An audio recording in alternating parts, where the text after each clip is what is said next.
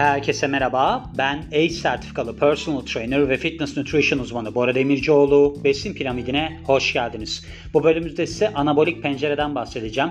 Biliyorsunuz bu çok yaygın bir kavram. Nasıl? İnsanları panik etmek üzerine kurulu bir düzende biz de figüranları oynuyoruz. Nasıl oluyor? Şöyle oluyor. Bize diyorlar ki antrenmandan sonraki 30 dakikalık zaman var ya, ha, o işte çok önemli. Eğer ki orada yeterli miktarda protein almazsanız neredeyse yanarak ölürsünüz diyecekler yani. O noktaya geliyor konu. Nasıl oluyor? Şöyle oluyor. Bir kavram var. İşte böyle bir anabolik pencere varmış. 30 dakikalık zaman içerisinde eğer ki siz kaslarınızı yeterli şekilde beslemezseniz ki bunu en iyi besleyen mesela whey proteinmiş ve bununla beraber de belirli bir miktarda karbonhidrat almanız gerekiyormuş. Yaptınız yaptınız. 30 dakika sonra bunu yapmazsanız ne kas geliştirebilirsiniz ne bir şey yapabilirsiniz diyorlar. Ben de tabii ki besin piramidinden Bora Demirci olarak bu olayın üstüne eğildim. Şimdi şöyle ben birkaç gündür bölüm eklemiyorum. Bu bölümü eklemediğim zamanlarda da boş durmuyorum. Ne yapıyorum? Aslında biyologlara falan hep şeyi danıştım. Bu ribozomun hücre içerisindeki görevi tam olarak ne? Bakın ben yabancı kaynaklardan sürekli ribozom tarıyorum. Hani ribozom ne işe yarar, nedir, ne yapar falan gibi. Şimdi ribozom aslında sizin hücrede proteinin sentezlendiği şeyler, organeller diyelim yani. Şimdi böyle olduğu zaman aslında şu var. Diyorum ki acaba şimdi lizozom var ya lizozomda ne oluyor? Lizozom böyle biraz asidik. Aslında sizin hücrenizin çöp kutusu. Lizozoma siz artıkları alıyorsunuz. Ondan sonra oradaki artıklardan hücre içerisindeki artıklardan size enerji veriyor. Şimdi lizozom hücre içerisindeki bir şeyleri alıp böyle bir şeye dönüştürüyor ya. Ben de dedim ki acaba ribozom da bunu yapıyor mu? Yani ribozom da siz aç kaldığınız durumlarda hücredeki bütün çöpü möpü toplayıp size enerji olarak dönüştürüyor mu? Ya da bundan protein sentezleyebiliyor mu? Açık konuşayım. Bunun net cevabını bulamıyorum. Ama şu var. Muhtemelen olmayabilir. Belki olabilir. Ama çok önemli mi? Çok önemli değil. Sadece önemli olan konu şu. Bizim böyle bir panik olmamıza gerek var mı? Bir de bununla beraber bizim spordan sonra yani karbonhidrat almamızın çok büyük rolü var mı? Bu gelişim aşamasında. Özet olarak söylemem gerekirse karbonhidrat çok önemli. Çünkü karbonhidrat insülin salgılattığı için insülin aslında ribozomları uyarıyor. Ve ribozomlara diyor ki siz daha fazla protein sentezleyin. Yani siz kalkıp da birazcık protein aldığınız zaman eğer ki siz bunu karbonhidratla beraber alıyorsanız daha fazla uyarılacağı için daha güçlü kaslara kavuşabiliyorsunuz. Bununla beraber baktığımız noktada şu var. Şimdi biz bunu 30 dakika içerisinde almasak bir şey oluyor mu? Hani biz diyelim ki hani var ya spor salonlarında giriyorsunuz soyunma odasında elinde bir protein shake şakkıdı şukkudu sallayan insanlar var. Onlardan birisi olmasak yine de kaslarımız gelişir mi? Ya da biz oruç tuttuk diyelim. Hani biliyorsunuz intermittent fasting denilen bir şey var aralıklı oruç. Onu biz takip eden birisiysek biz bir kas kaybı yaşar mıyız? Diyelim ki biz spor yapıyoruz ama devamında da oruç tutuyoruz. Ne gibi etkileri olur? Şimdi ben bunu birebir yaşamış birisiyim yani oruç kısmıyla alakalı olarak. Şöyle diyeyim size ben şuna inanıyorum. Kişiden kişiye değişebilir bu durum. Ben geçen sene sadece bir öğün yiyordum. 20 saat oruç tutuyordum. Ve bu 20 saatlik orucun 8 saatini de spor yaptıktan sonra geçiriyordum. Acayip iyi bir fiziğim oldu ve hiç kas kaybı falan yaşamadım. Ama kişiden kişiye değişebilir. Bu arada benim tıpla ilgili, bilimle ilgili de böyle düşünüşlerim var. Yani insanlara göre tedavi şekilleri değişebiliyor. Neden? Son zamanlarda bu kanser hastalarına falan çok bakmaya başladım. İnceliyorum. İnsanların işte bazıları mesela hiç sigara kullanmıyor. Akciğer kanseri oluyor. Bazıları kullanıyor olmuyor filan gibi bir durumlar var. Yani bunlarda da baktığınızda aynı tedavi uygulanıyor. Bazıları kurtuluyor, bazıları kurtulamıyor. Hatta kurtulamayanlardan bazıları sigara içmiyor. Kurtulanlardan bazıları sigara içiyor. Buna rağmen kurtuluyor. E şimdi baktığınızda iki kişi aynı tedaviyi alıyor. Farklı kişiler. O yüzden bence farklı sonuçlarla karşılaşılabiliyor. Ben bireysel olarak bakarsam aç karnına antrenman yaptığımda hiçbir şey yemediğimde çok iyi sonuçlar aldım. Benim kendi tecrübelerim bu yönde. Ama tabii ki siz farklı kişisiniz ve şu açıdan da çok önemlidir bu. Geçenlerde bana steroid kullanımı ile ilgili bir soru geldi. Ben kendisine de söyledim. Dedim ki ben steroid konusunu hiç bilen birisi değilim. Bence biliyorum diyen de kendinden bilir. Nasıl kendinden bilir? Bir kişi çok steroid kullanıyordur. Kendine vücut yapmıştır. Size aynı ürünleri kullandırtır. Sizin vücudunuz farklı tepkiler verir.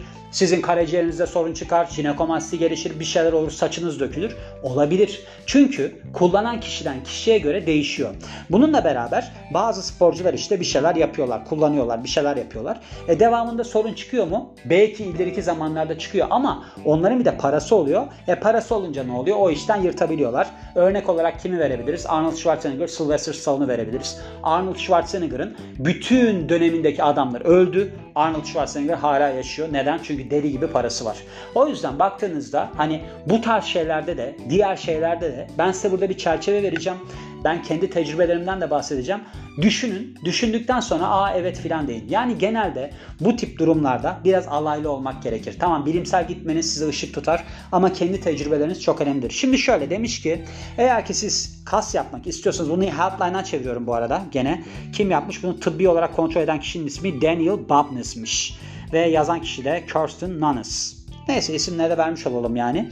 Kas yapmak istiyorsanız kuvvet antrenmanı bunu yapmak için en iyi yöntem. Ve burada ne oluyor işte? Siz kuvvet antrenmanı yaptığınızda kaslarınıza hasar veriyorsunuz. Devamında onarımla beraber daha büyük olmaları sağlanıyor. Yani daha güçlü kaslara sahip olabiliyorsunuz. Şimdi bununla beraber aslında antrenman yapmanızın ötesinde bir durum var kas yapmanızda. Nedir bu da? Sizin antrenmandan sonraki beslenmeniz. Yani gün içindeki beslenmeniz ne gibi? İşte yeterli miktarda protein alıyor musunuz, karbonhidrat alıyor musunuz filan gibi.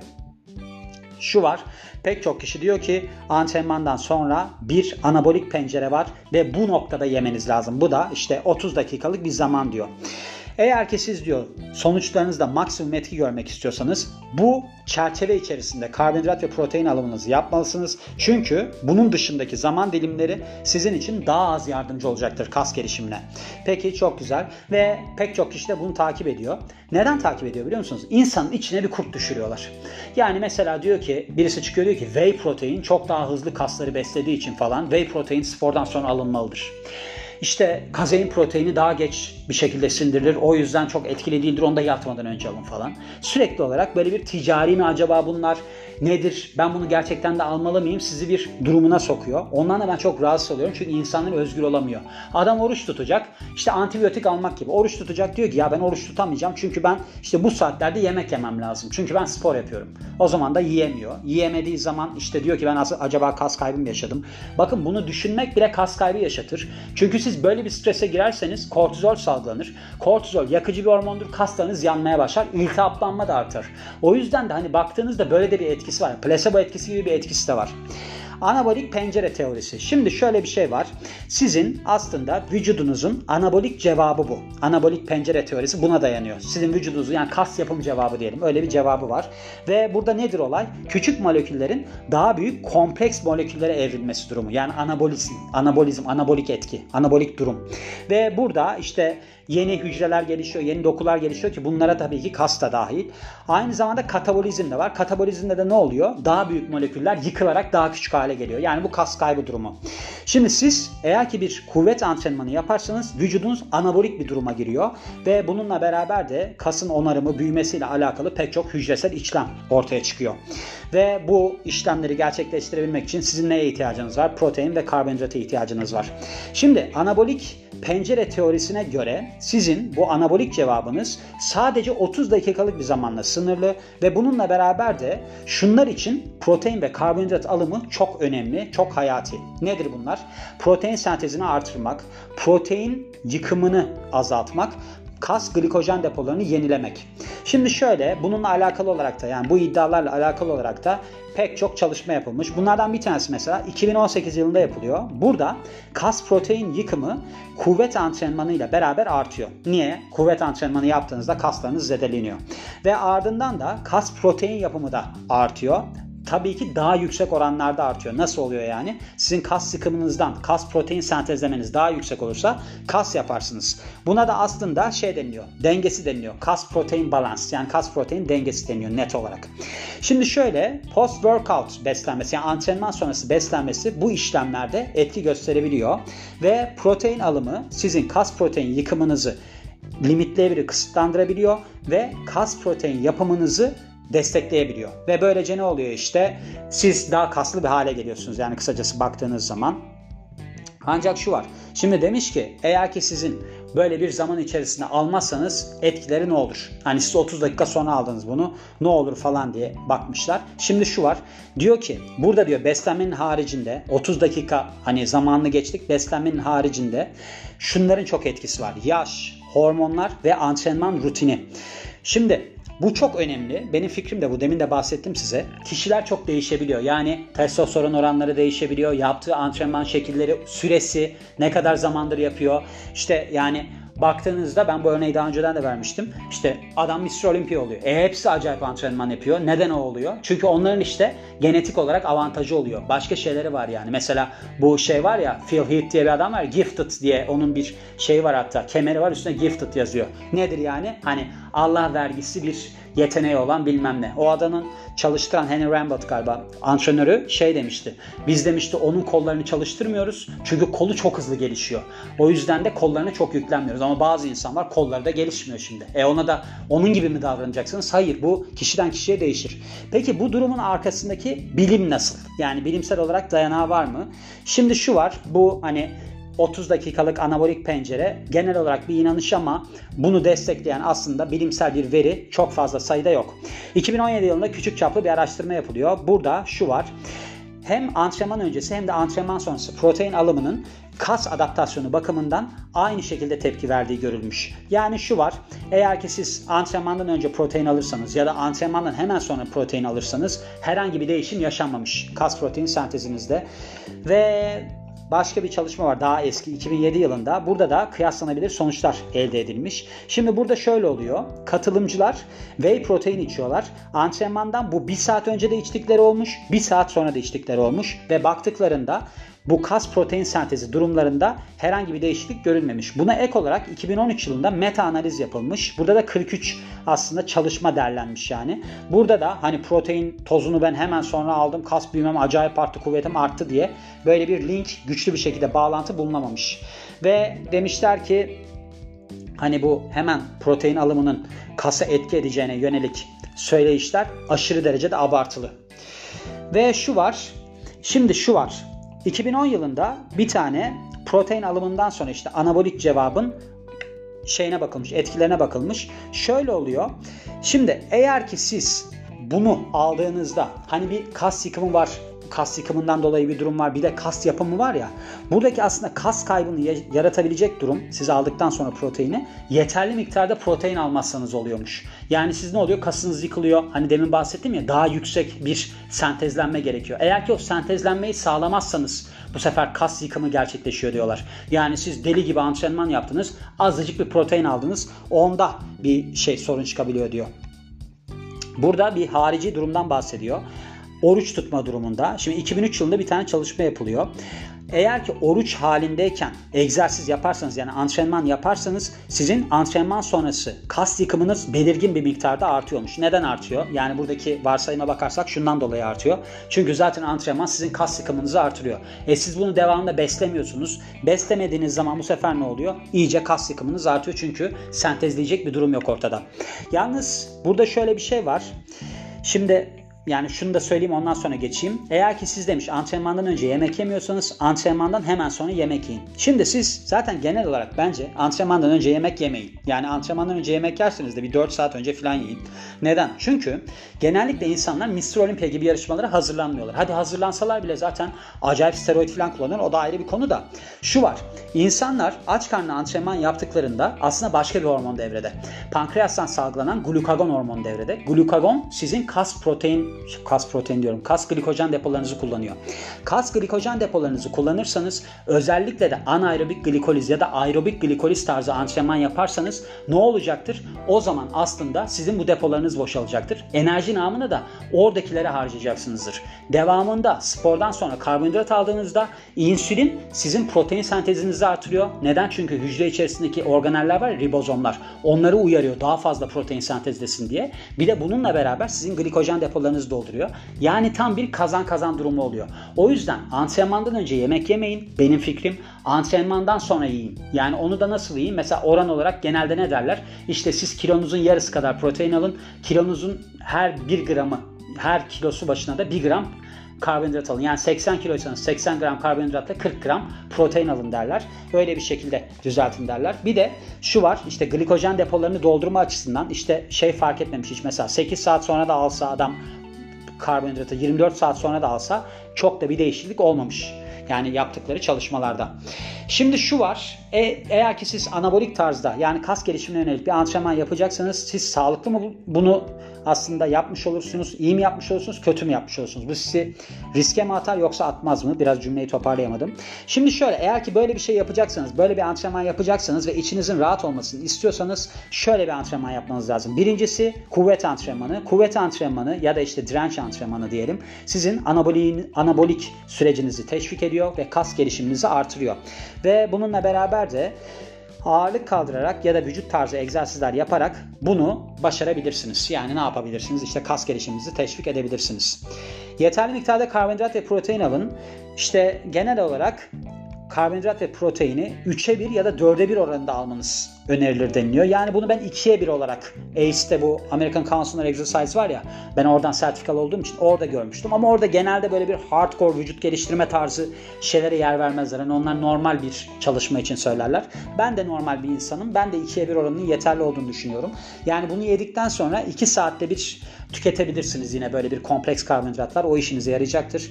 Ve burada hani siz genel olarak böyle bir iddia edilen anabolik pencere var ya onu takip edin deniliyor içinizin rahat olması için. Burada neden bahsediyor? Çünkü insanlar takılıyorlar buna. Ya ben 30 dakika sonra yemedim acaba şey olur mu ben şimdi kaslanmam mı falan diye. Bu sefer kortizol açığa çıkıyor. Sonuçlar kötüye doğru gidiyor. Yani o açıdan sadece aslında kafanızda kurduğunuz şeyler dolayısıyla. Ve bütün egzersiz rutinlerinde su içmeyi ihmal etmeyin. Yani su içmek hani antrenman öncesinde, sırasında ve sonrasında son derece önemli. Ne yaparsanız yapın denilmiş. Yani anabolik egzersiz de yapsanız yapmasanız da çok önemli. Ve sonuç olarak da yani TKB kısmına gelirsek 30 dakikalık bir anabolik pencere araştırmalara göre mevcut değil. Ve sizin hani böyle bir antrenmandan hemen sonra bir öğün tüketmeniz çok önemli değil kassal gelişimde ya da size bir engel falan olmaz. Tüketmediğiniz engel yaşarsınız gibi bir şey yok. Ve işte aşırı derecede kazanç elde edeceğim diye hemen sizin yemek yemenize falan da gerek yok deniliyor. Sizin için aslında uygun olan zamanda yemek yemeniz önemli deniliyor. İşte ne zaman bu size uygunsa o zaman yiyin deniliyor. Şimdi şöyle bir şey var. Sadece şunu belirtmek isterim. Çünkü çok yaygın olduğu için fasting yani oruç tutma kısmında spor yapma ve devamında işte ben kastan mı yedim ne oldu filan gibi. Ben evet yenilebileceğini düşünüyorum. Hatta bununla ilgili ben bir bölümde yapmıştım. Zannedersem 15. bölümdü.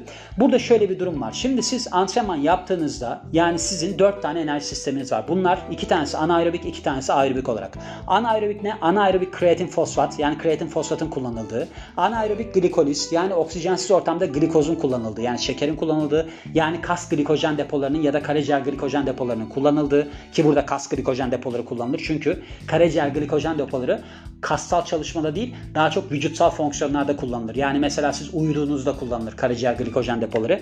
Zaten onun miktarda kısıtlıdır. 90 gram en fazla 100 gram olur. Ama kas glikojen depoları kaslandıkça artar. Yani siz 500 gramdır normalde 770'e kadar çıkarabilirsiniz o depoyu. Ve bununla beraber iki tane de aerobik olanı var ya oksijenle beraber. Bir tanesi aerobik glikoliz, bir tanesi aerobik lipoliz. Aerobik lipolizde çok düşük tempo. Yani sizin aslında maksimum heart rate'in %50'sinde falan bir tempoda gittiğiniz uzun süreli egzersizler, yürüyüş gibi şeylerde yağdan kullandığınız lipoliz yani. Bir de aerobik glikoliz. Burada da siz aslında hani belirli bir yoğunlukta işte mesela %70 civarında falan 2 saatlik falan böyle bir antrenmanlar yaptığınızda durum ortaya çıkar. Şimdi aerobik glikolizle anaerobik glikolizin arasındaki fark şu. Anaerobik glikoliz 60 ile 75 saniyelik kısımda ortaya çıkıyor ve bunun devamında şey oluyor. Laktik asit birikiyor vücutta. Böyle bir durum ortaya çıkıyor ve buradaki işte dinlenme süreleriyle bilmem neleriyle bu değişebiliyor.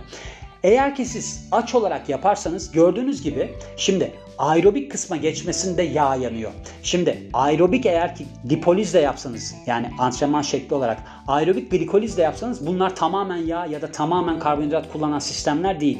Yani bir tanesinde mesela glikoliz yani glikojen depoları kullanıyor ama bir miktarda yağ kullanılıyor. Öbüründe de bir miktar yağ kullanıyor çoğunlukla lipoliz olduğunda. Bir kısmı da karbonhidrattan gidiyor yani glikojen depolarınızdan gidiyor. Ama siz diyelim ki böyle bir şey yaptınız anaerobik antrenman yaptınız. Kreatin fosfat İşte patlayıcı kuvvet 12 saniyeye kadardır o 10 saniye diyelim yani. Onu yaptınız. İşte patlayıcı kuvvet antrenmanı yaptınız. Bir de işte hipertrofi kassal gelişim antrenmanı yaptınız. Ya 60-75 saniyelik bir antrenman yaptınız. Şimdi siz bunu aç karnına yaparsanız ne olacak? Sizin aslında burada kullanacağınız glikoz, glikozla beraber, glikojen depolarıyla beraber eğer ki boşsa bu sefer hemen enerji kaynağı olarak kaslarınız bir miktar yanabilir. Ama ben bu kısma inanmıyorum. Neden inanmıyorum? Çünkü siz eğer ki 500 gramlık bir karbonhidrat deposuna sahipseniz kas glikojen deposu olarak ve siz sabah kalktığınızda bunu yaparsanız 12-16 saat boyunca sizi götürebilecek bir sistemdir. Çok yoğun bir antrenmanda 2 saat götürebiliyor antrenör sporcularda. Yani 2 saat boyunca spor yapıyorlar ve glikojen depoları tamamen boşalıyor çok yoğun bir antrenmanda. Şimdi siz diyelim ki yattınız işte saat 9'da yemek yediniz sabah 9'da spor yaptınız 12 saat geçti. 12 saat geçtikten sonra sizin zaten bir miktar glikojen deponuz var. Yani kaslarınızdaki glikojen depolarınız kalıyor. Çünkü uykudayken zaten karaciğer glikojen depoları kullanılıyor. E karaciğer glikojen depolarımız kullanıldıktan sonra kastakini yerseniz bu zaten avantaj. Yani ben inanılmaz derecede bir kas kaybı falan yaşanılacağını düşünmüyorum. Hani çok acayip ben bir şey yiyemedim onun için kaslarım yıkılıyor falan gibi. Ha şu olursa belki olabilir. Siz kalktınız deli gibi crossfit yaptınız bir de üstüne aç kaldınız falan. Onda belki kas kaybederseniz edersiniz ama onda da şöyle bir şeyden giderseniz sorun olmaz. Diyelim ki siz sabah 9'da kalkıyorsunuz. Sabah 9'da kalktıktan sonra işte şey sabah 9 diyorum akşam 9'da yediniz sabah 9'da kalktınız 12 saat. Antrenman yaptınız işte 1 saat ne bileyim işte 13 saat. Ondan sonra hemen yerseniz sorun olmaz. Çünkü zaten bu intermittent fasting'in yani aralıklı orucun meselesine sizin glikojen depolarınızı boşaltıp yağ devreye almak. Yani o yüzden zamanlamayla bunu yönetebilirsiniz. Ne yaparsınız? Diyelim ki 9'da mı yediniz? Ondan sonra siz sporunuzu 12'de yaparsınız.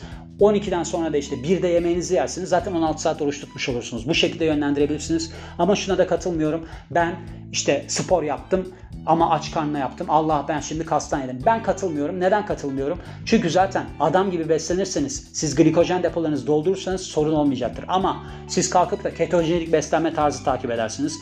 Sıfır karbonhidrat gidersiniz. Ondan sonra da bir de üstüne oruç tutarsınız. Bir de gidersiniz işte hiç karbonhidrat almadan protein içersiniz spordan sonra. Evet o zaman sorun olabilir. Çünkü burada bir aslında strateji hatası var. Onu düzeltmeniz lazım. Yani onun üzerinden giderseniz bence ne yerseniz deyin, ne tarz bir beslenme takip ederseniz edin sonuç alırsınız diyorum ve bu bölümün de sonuna geliyorum. Beni dinlediğiniz için çok teşekkür ederim. Ben Bora Demircioğlu. Yeni bir bölümde görüşmek üzere. Hoşçakalın.